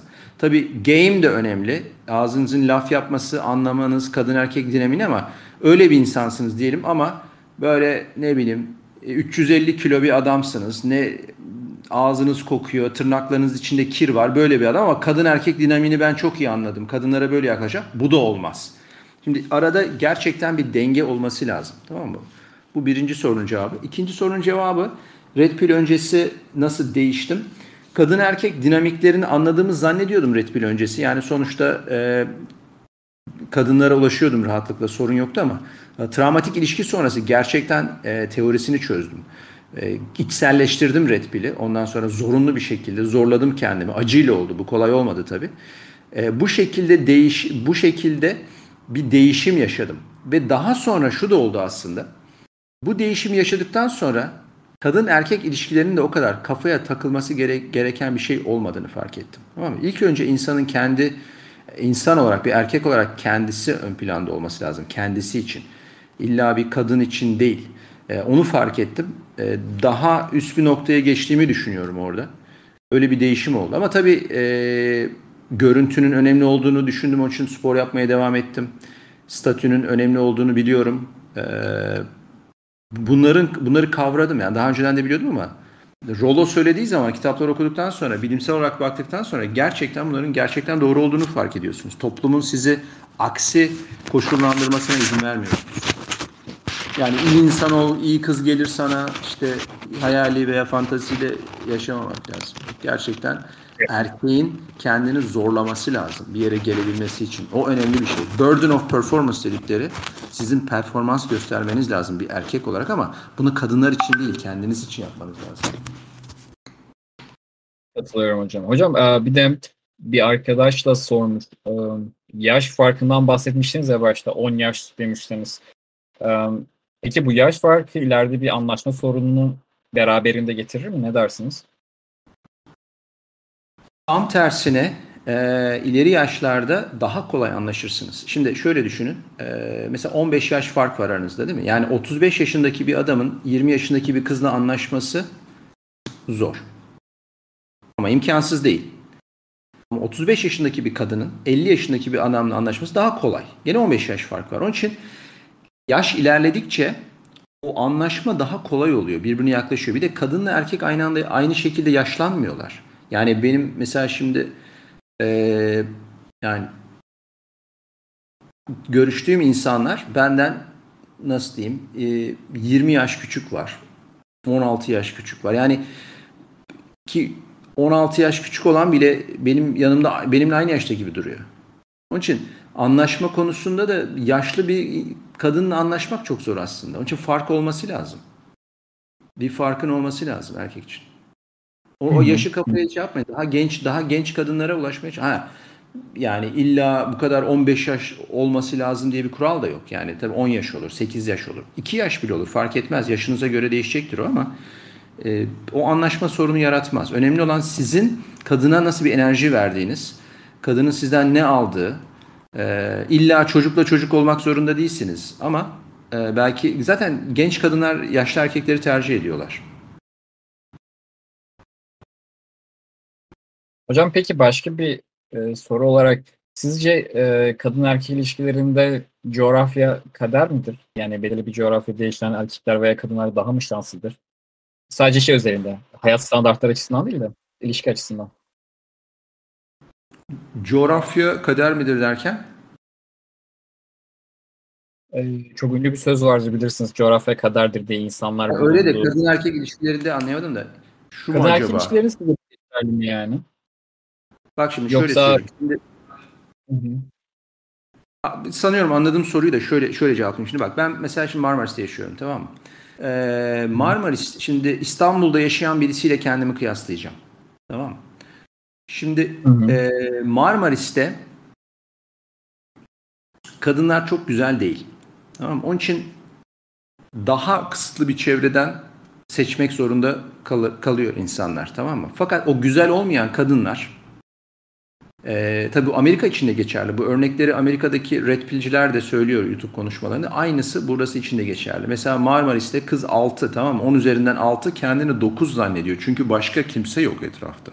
Anlatabiliyor muyum? Onun için kıçı tavan yapmış durumda böyle kızların. E, fakat yine küçük şehirlerde erkeklerin de çok fazla e, iyi iyi statünüz çok yüksekse erkek için rekabet yok o zaman. Yani yüksek statüdesin, rekabet yok.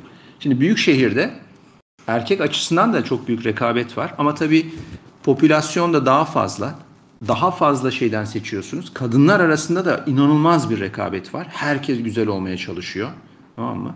İyi erkek daha az, güzel kadın daha fazla. O iyi erkeklere ulaşmak zorundalar falan. Onun için coğrafya şöyle, kader değil. Özellikle Instagram'ın olduğu, dünyadaki herkese ulaşabildiği durumlarda değil ama e, o coğrafyayı kendinize göre kullanmanız lazım. Ama sonuç olarak nerede olursanız olun kendinizi üst segmente çekmeniz lazım. Tamam mı? Öyle olmanız lazım ki küçük şehirdeyken de üst segmentte olmanız lazım. Büyük şehre gittiğiniz zaman yine üst segmentte olabilecek bir insan olmanız lazım. Tamam mı?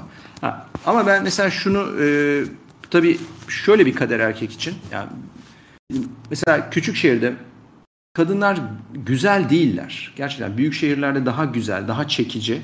Ama sırf bir kadınla çıkacağım diye de böyle çok kötü bir kadınla çıkamıyorum ben. Çıkmak istemiyorum. Ee, seçici oluyor insan o şekilde. özellikle benim yaşımda belli bir yaştan sonra kendi şeyinizi kendiniz yaratacaksınız. Belki bunun için sağa sola gideceksiniz, belki tatile gideceksiniz, belki yurt dışındaki güzel yerlere tatile gideceksiniz ama gene hep aynı şeye dönüyor. Hep aynı şeyi söylüyorum arkadaşlar. Kendinizi bir erkek olarak geliştirmek zorundasınız. O zaman her şey size sunulacaktır. Yani sizin emeğiniz de size sunulacak. Böyle kimse yoksa size kırmızı halıyı önünüze sermez. Yine evet.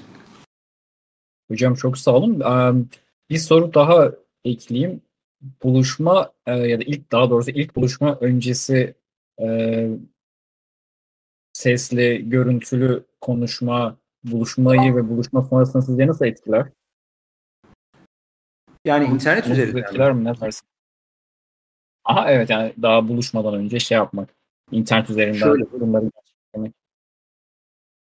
Bakın kendine güvenen erkek için hiçbir şey olumsuz etkilemez. Tamam mı? Her her ortamda savaşabilmeniz lazım.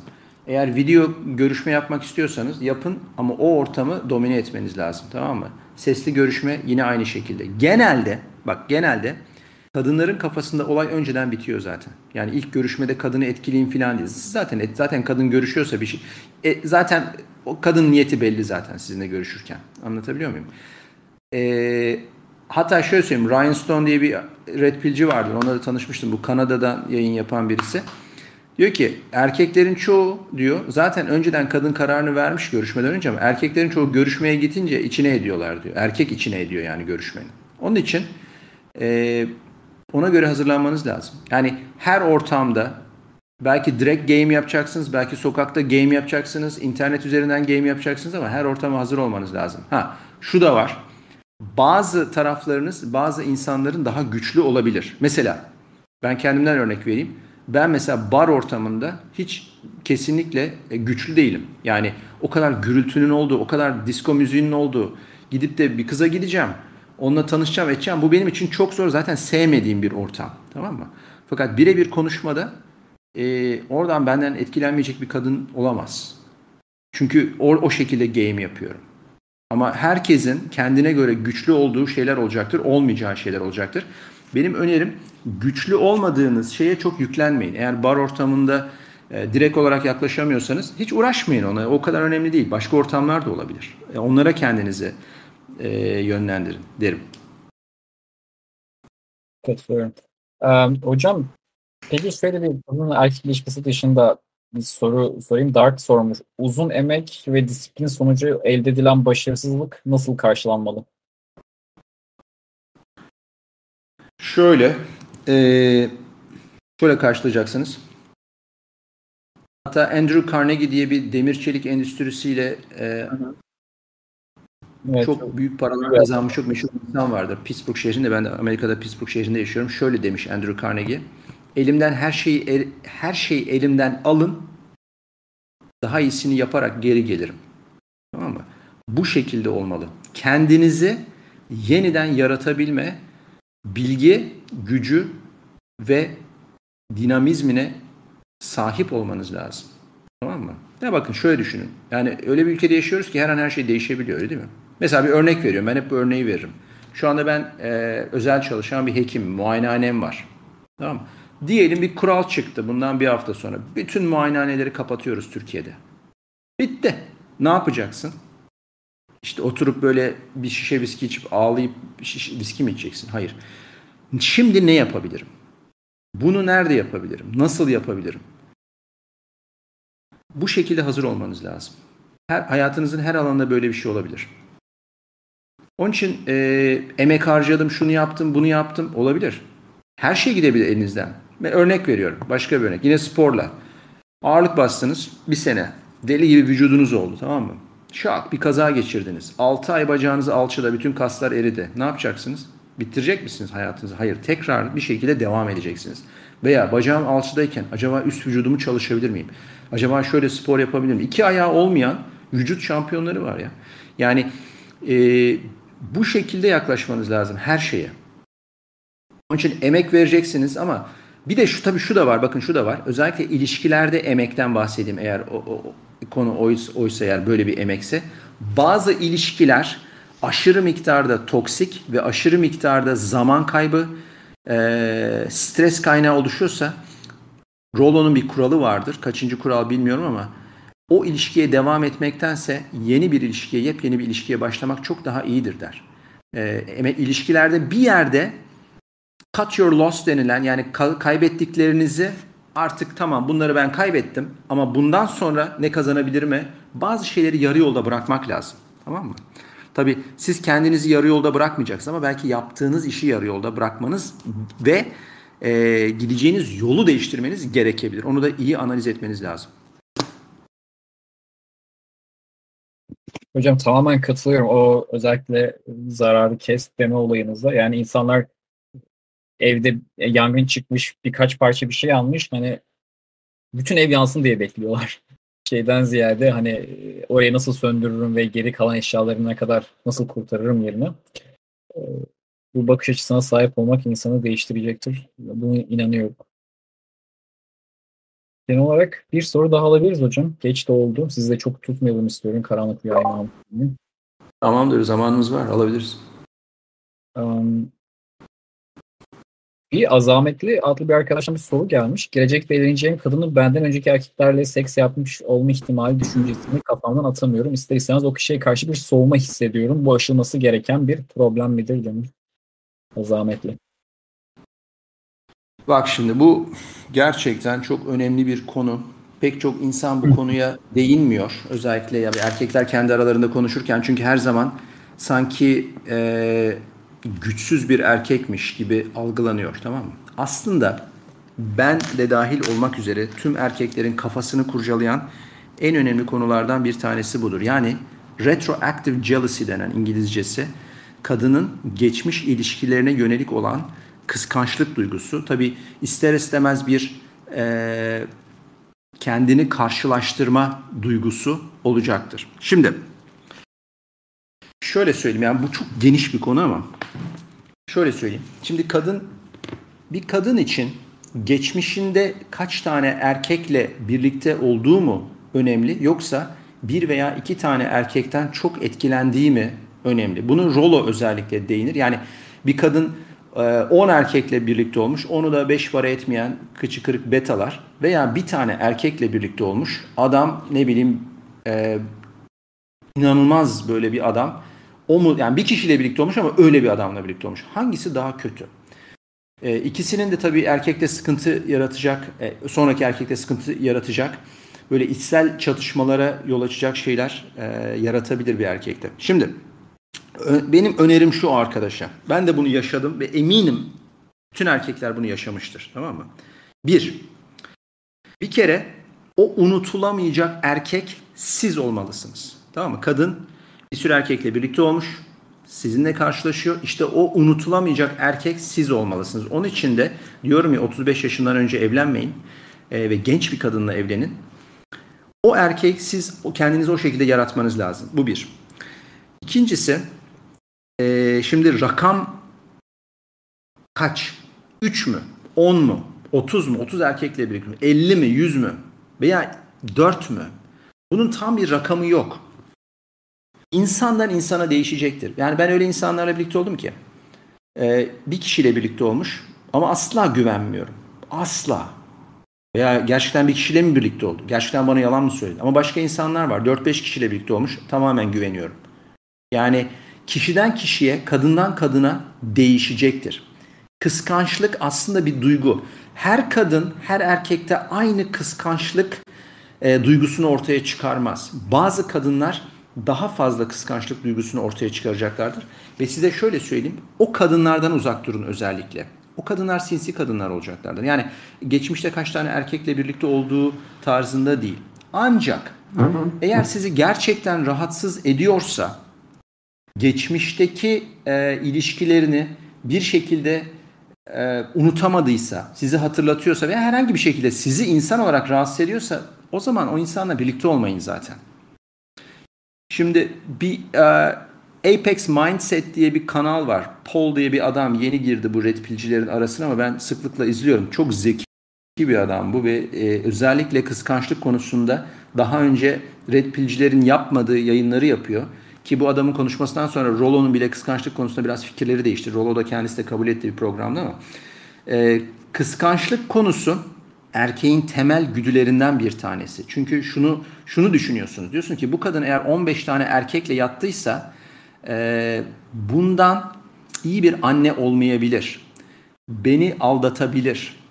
Eğer karnında bir çocuk olacaksa benden başkasından olabilir. Bu düşüncelerle yaklaşıyorsunuz aslında. İntrinsik olarak düşünceler bunlar.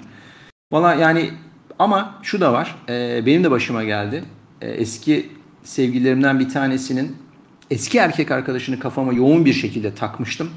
Ee, sonra yavaş yavaş yavaş böyle düşüncelerle telkine geçti bu ve ne kadar saçma bir düşünce olduğunu fark ettim aslında. Bir obsesyona dönüşüyor. Başka tanımadığınız bir insan bir obsesyona dönüşüyor aslında. O kadar saçma ki aslında. Sevgililerinizin eski erkek arkadaşlarına şunları bunları takmayın. Kesinlikle takmayın. Ancak o sevgiliniz hala o erkek arkadaşları bir şekilde onun hayatındaysa, bir şekilde görüşüyorsa, işte Facebook'ta bilmem nerede hala arkadaşlarsa orada bir kırmızı bayrak vardır. O kadınlardan uzak durun. Orada bir hata var aslında. Çünkü kadın bir şekilde ayrılamıyor. Yani bir şekilde hayatında tutmaya çalışıyor o adamı. Bu sakat bir şey. E, veya bir şekilde devamlı getiriyor sizin önünüze. Bir şekilde sizi karşılaştırmaya çalışıyor. Bu da yanlış bir şey. Ama genel olarak ben e, birlikte olduğum insanların geçmişli, geçmişlerini takmıyorum. Yani düşünmüyorum. Ama o alfa olmanız lazım sizin de. Yani o, o yüksek değerdeki erkek işte siz olması lazım. Yani şöyle olacak. Bakın sizden ayrıldıktan sonra veya siz kadını bıraktıktan sonra o kadının bir sonraki çıkacağı erkek sizi kafanız, kafasına takması lazım işte. Sizden rahatsız olması lazım. O erkeğin siz olması, olmanız lazım. Anlatabildim mi?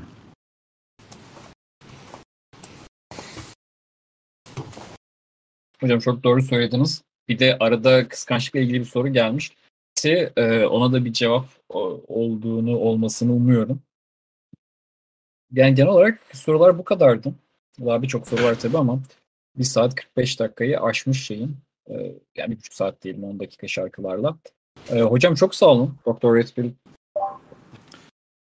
Çok teşekkürler Geldi. beni yayın aldığınız için. Bu kıskançlık konusunda son bir şey daha söylemek istiyorum. Eğer soru geldiyse.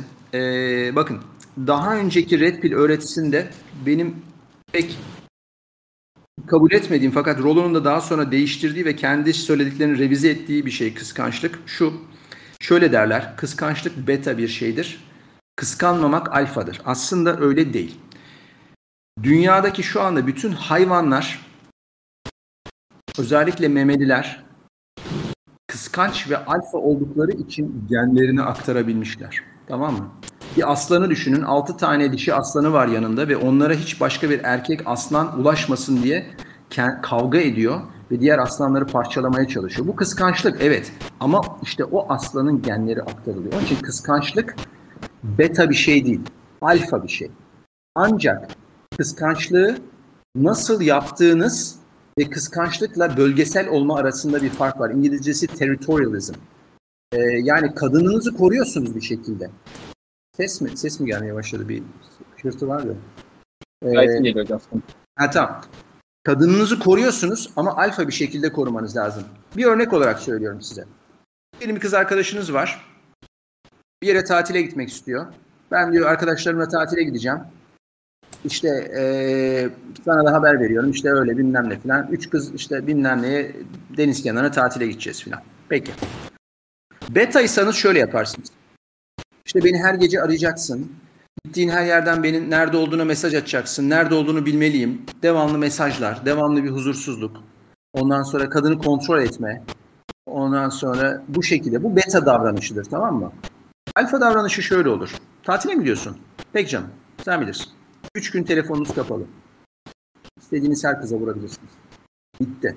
Yani kadının bunu düşünmemesi lazım bile. Kendini o pozisyona koymaması lazım bile. Tamam mı? Zaten sizi devamlı kıskandıran bir kadın sizinle olmamalı. Öyle bir kadını hayatınıza yaklaştırmaması. Ha, yaklaştırırsınız. Yani çok kısa zaman görüşürsünüz filan ama gerçek anlamda kız arkadaşınız veya seveceğiniz bir insan olmamalı zaten. Ee, bu kıskançlık konusunda görüşlerim bu. Yani alfa ile beta farkı önemli kıskançlıkta. Kıskanmak beta bir şey değil. Ee, beta bir davranış değil aslında. Evet, evet bu arada ben buna katılıyorum. Hatta bu konuda bayağı uzun bir iki tane podcast de yaptığım zaman da kıskançlık önemli ama nasıl gösterdiğiniz önemli. Bunu zorlayarak değil de kadının doğal çekimle e, bir şeyleri yaratıyor. Kadına doğal çekimle bir şeyleri yaratıyor olmanız lazım. Bu arada gerçekten çok fazla his geliyor arkadan. Neden bilmiyorum ama çok fazla ses var. Mahmut abinin şeyi açık olabilir. E, mikrofon açık olabilir. Kesildi Evet kesildi aynen aynen tamam şimdi oldu. Tamam. Aynen ben de katılıyorum aynen. Ee... Hocam çok sağ olun. Ee, yani ben çok keyif aldım yayın dinlerken. birçok bilgi arkadaşlar da almıştır umarım sorularını. Ee, özellikle Karanlık Rüya'nın da YouTube hesabını, Twitter hesabını takip edebilirsiniz. Zaten bizim erkek adam Blue Twitter hesabını ve sitesini biliyorsunuz, girersiniz. Ee, buradan Twitch üzerinden ilk defa e, arkadaşlar daha farklı kitlelere eşit daha fazla insana ulaşmak adına. Siz paylaşırsınız, tartışırsınız. Bu kendi aramızda konuşmadığımız şeyleri, dışarı konuşmanın zor olduğu şeyleri konuşmak. Ama hayatımızı bir o kadar e, önemli ve derinden sarsan meseleleri beraber çözüm bulmak ki ileriki zamanlarda e, yıkılmamak veya yıkılsak bile kalkınmak için gerçekleştirdiğimizde o yüzden destek olmak istiyorsanız paylaşıp katılın abi. Ve önerilerinizi bizimle Discord'dan, sosyal medyadan paylaşırsınız. E, Doktor Redfield hocam size e, nereden erişebilir arkadaşlar? Bir şey söylerse acaba? Şöyle bana Instagram'dan erişebilirler. Ee, iki tane hesabım var orada. Oradan yazabilirler. İki hesabımı da takip edebilirsiniz. Oradan sorulara geliyor. Çok soru geliyor. Hemen bir anda cevaplayamıyorum. Bazen 2-3 gün sonra cevaplıyorum falan. Bazen konuşarak cevaplamak daha kolay oluyor. E, mesaj yazmaktansa. Sesinde söylerseniz podcast'ten kal kalmış olur.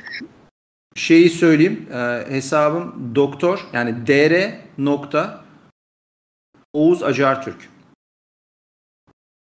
Tamamdır. Bir de ikinci bir hesabım var. O da benim spor hesabım. Oradan da bakabilirsiniz. O da dr nokta Oguz alt tire fitness nokta surgery diye geçiyor.